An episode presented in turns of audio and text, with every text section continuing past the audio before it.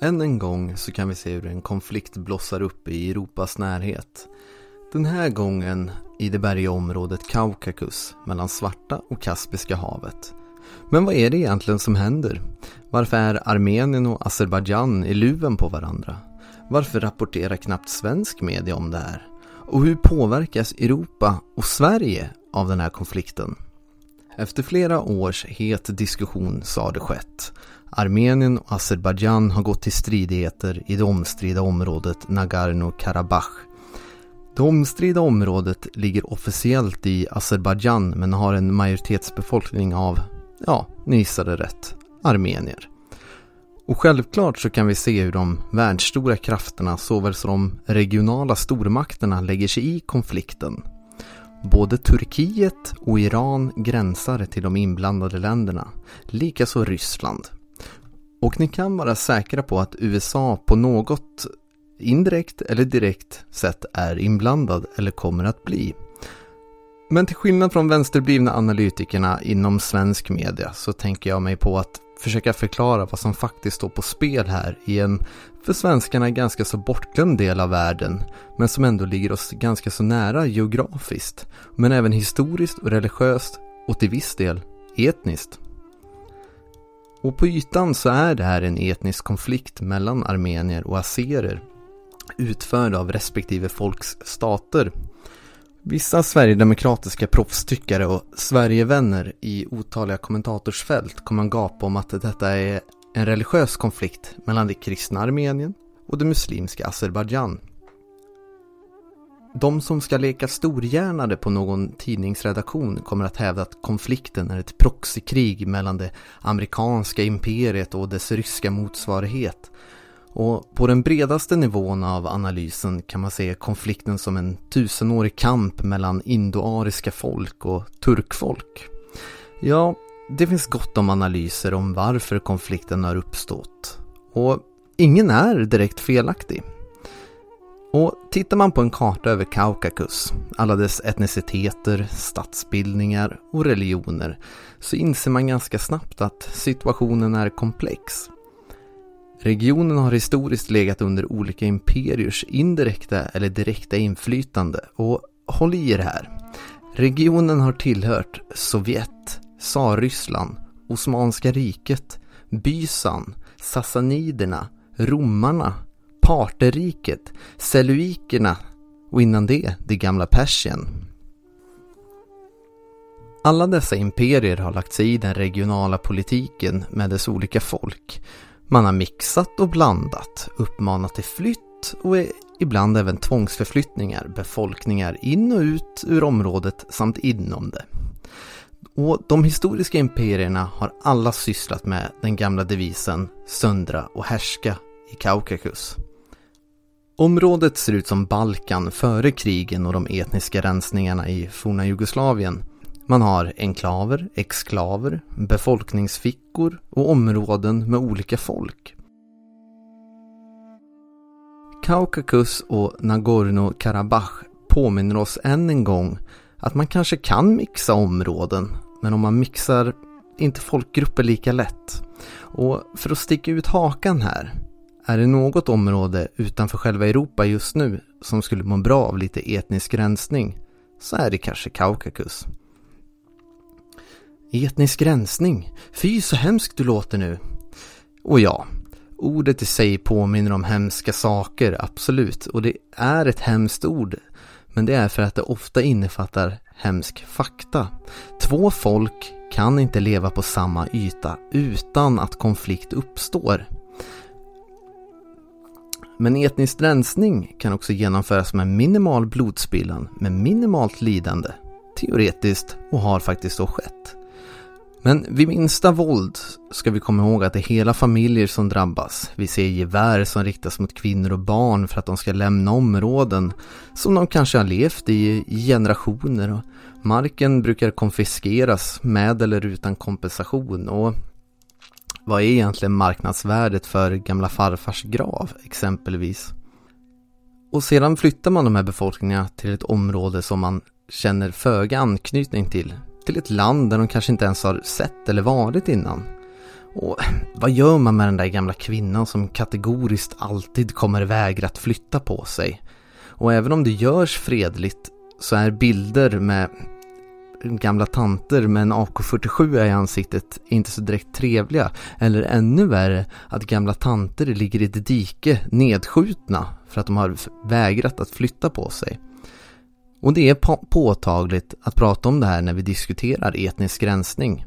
Men det är dags att vi blir vuxna och inser att det är nödvändigt att prata om det här om vi vill se homogena stabila stater i Europa och i Europas närområden. Nagorno-Karabach är till största del armenskt men styrs politiskt nominellt av staten Azerbajdzjan. Man har ett visst självstyre i regionen. Men en av dessa två faktorer måste ändras för att säkerställa stabilitet i området.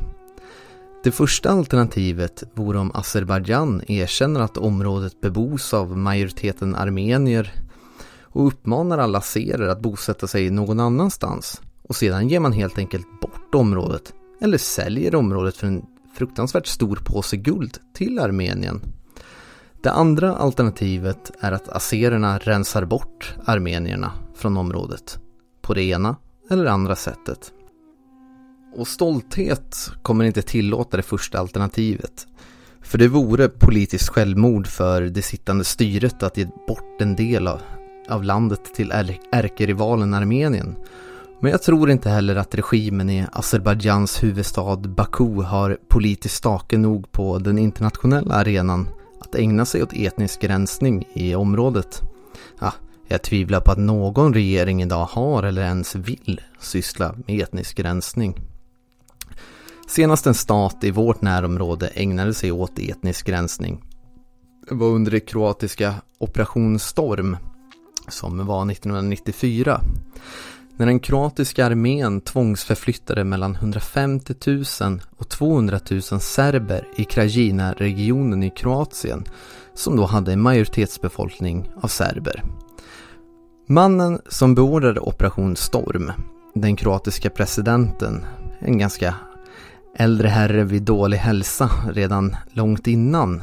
Och nu, det är min högst personliga hypotes, Kanske så bar han hundhuvudet med den etniska rensningen för det större hela.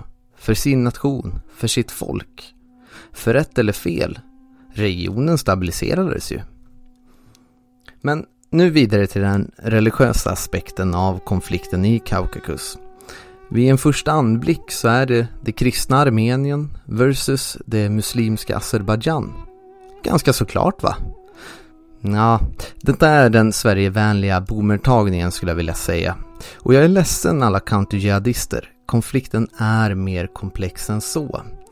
De som stödjer Azerbajdzjan är det muslimska Turkiet och till synes det kristna counter-jihadistiska Amerikas förenta stater. Medan sudokristna Ryssland här, och vänta, muslimska Iran stödjer Armenien och det blir ännu mer komplicerat om vi går djupare in i religionsaspekten. Det icke-kalcedoniska Armenien stöds av det ortodoxa Ryssland och det shia-muslimska Iran. Det shia-muslimska Azerbajdzjan stöds av sunni-muslimska Turkiet och det till synes protestantiska USA. Och vi ska inte glömma kalotten i leken. Den judiska staten Israel, ja de stödjer Azerbajdzjan. Med detta i bakgrunden så faller helt enkelt analysen counterjihadisterna vill ge mig. Men vilka är de goda med stort G och de onda med stort O? Varför stödjer svärdet av counterjihadism, alltså USA, Azerbajdzjan? Och varför skickar den judiska staten Israel drönare mot armeniska mål i Nagorno-Karabach? Hmm, mystiken tätnar. Det är nästan så att religion enbart räknas på marken, i det lilla. För i det stora spelet verkar inte trosuppfattning spela en avgörande rollen här. Ja, Armenien kan utmåla konflikten som ett korståg mot de muslimska horderna för att vinna internationell sympati hos världens kristna, speciellt ortodoxa. Och de skulle ha helt rätt. Men bakom kulissen så bryter man faktiskt bröd med muslimer i Iran och ett land med Europas största moské och en relativt stor minoritet muslimer, Ryssland. Så jag skulle vilja säga att det finns något djupare i den här konflikten än enbart religion. Sätter vi på oss våra geopolitiska glasögon så blir saker och ting lite klarare. Konflikten har alla de typiska kännetecknen som karaktäriserar ett ryskt, ryskt amerikanskt proxykrig. Amerikansk-lierade Azerbajdzjan, stött av NATO-landet Turkiet, attackerar det ryskt-lierade landet Armenien som för övrigt köper och säljer vapen från det rysk-kinesiska allierade Iran. Och då kan man ha en konflikt i det ryska närområdet. Både för att som atlantisterna, som Dugin hade sagt, ska kunna destabilisera Rysslands inflytande i regionen. Å andra sidan av myntet, att Ryssland ska få mer kontroll över sitt eget närområde. Vilket har varit rysk praxis sedan tsartiden och även under Sovjet och någonting som praktiserades under Ukraina-konflikten. Allianserna är ganska så tydliga och vän-fiende-distinktionen som Carl Schmitt hade uttryckt det är ganska så glasklar.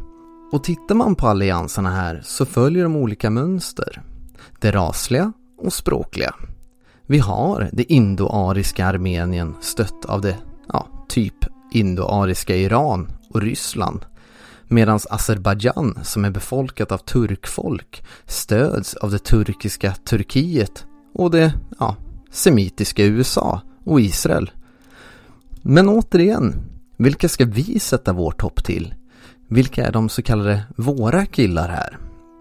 Och jag tänker inte gå in på debatten kring om armenier är vita eller inte. Men oavsett, de har närmare till oss europeer än vad turkfolk har. Den saken är säker. Både vad gäller etniskt som kulturellt. Däremot så kan jag inte komma ifrån att det finns någonting semitiskt med dem. Men med tanke på att de har levt under folkmord och är mestadels ett diaspora-folk så utvecklar man nog den mentaliteten. Sedan kan jag inte, skadad av den moderna världen som man är, komma ifrån att Kardashians är, är armenier. Och ni vet ju hur de är. Azererna däremot är det inget tvivel om. De är icke-vita. Men återigen, vad betyder det här för oss? Vad betyder det här för Europa? Konflikten staterna och folken emellan pådrivs för att flytta fram de etniska intressena hos både azerer och armenier. Det är också en del av spelet mellan det amerikanska imperiumet och det ryska imperiumet. Samtidigt som religiösa förtecken används för att öka och väcka sympati hos parterna. Och är det någonting vi har lärt oss sedan 600-talet så är det att islam är en expansiv religion som av mänskliga skäl faktiskt borde hållas tillbaka. Frågan som vi som etnonationalister och Europas söner måste ställa oss. Korreligerar någon av, av parternas intressen med Europas? Är någons intresse i regionen till gagn för vårt folk, vår rörelse och vår strävan? Ligger det ena eller det andra i det vita västerlandets intresse vem som styr Nagorno-Karabach och vad som faktiskt kan hända om konflikten eskalerar? Vi är idag en global rörelse och kampen sker på en internationell spelplan. Men vi får inte glömma bort det väsentliga här. Vår kamp sker först och främst lokal nivå. Vi är inte ute och spelar det stora geopolitiska spelet. Än. Och visst, vi kanske ska stödja Armenien. Eller så kanske vi ska strunta i att välja sida. Oavsett så ska inte konflikten ta fokus från att det i dagsläget befinner sig miljoner och åter miljoner främlingar på vår kontinent som ska bort härifrån. Men någonting säger mig att om Israel stödjer en part så är jag beredd att stödja den andra. Och jag kan inte bestämma vad du ska tycka. Allt det jag egentligen vet är att jag varken vill ha armenier eller azerer eller andra icke-europeer för den delen i Europa. Den som förhindrar det, den stödjer jag.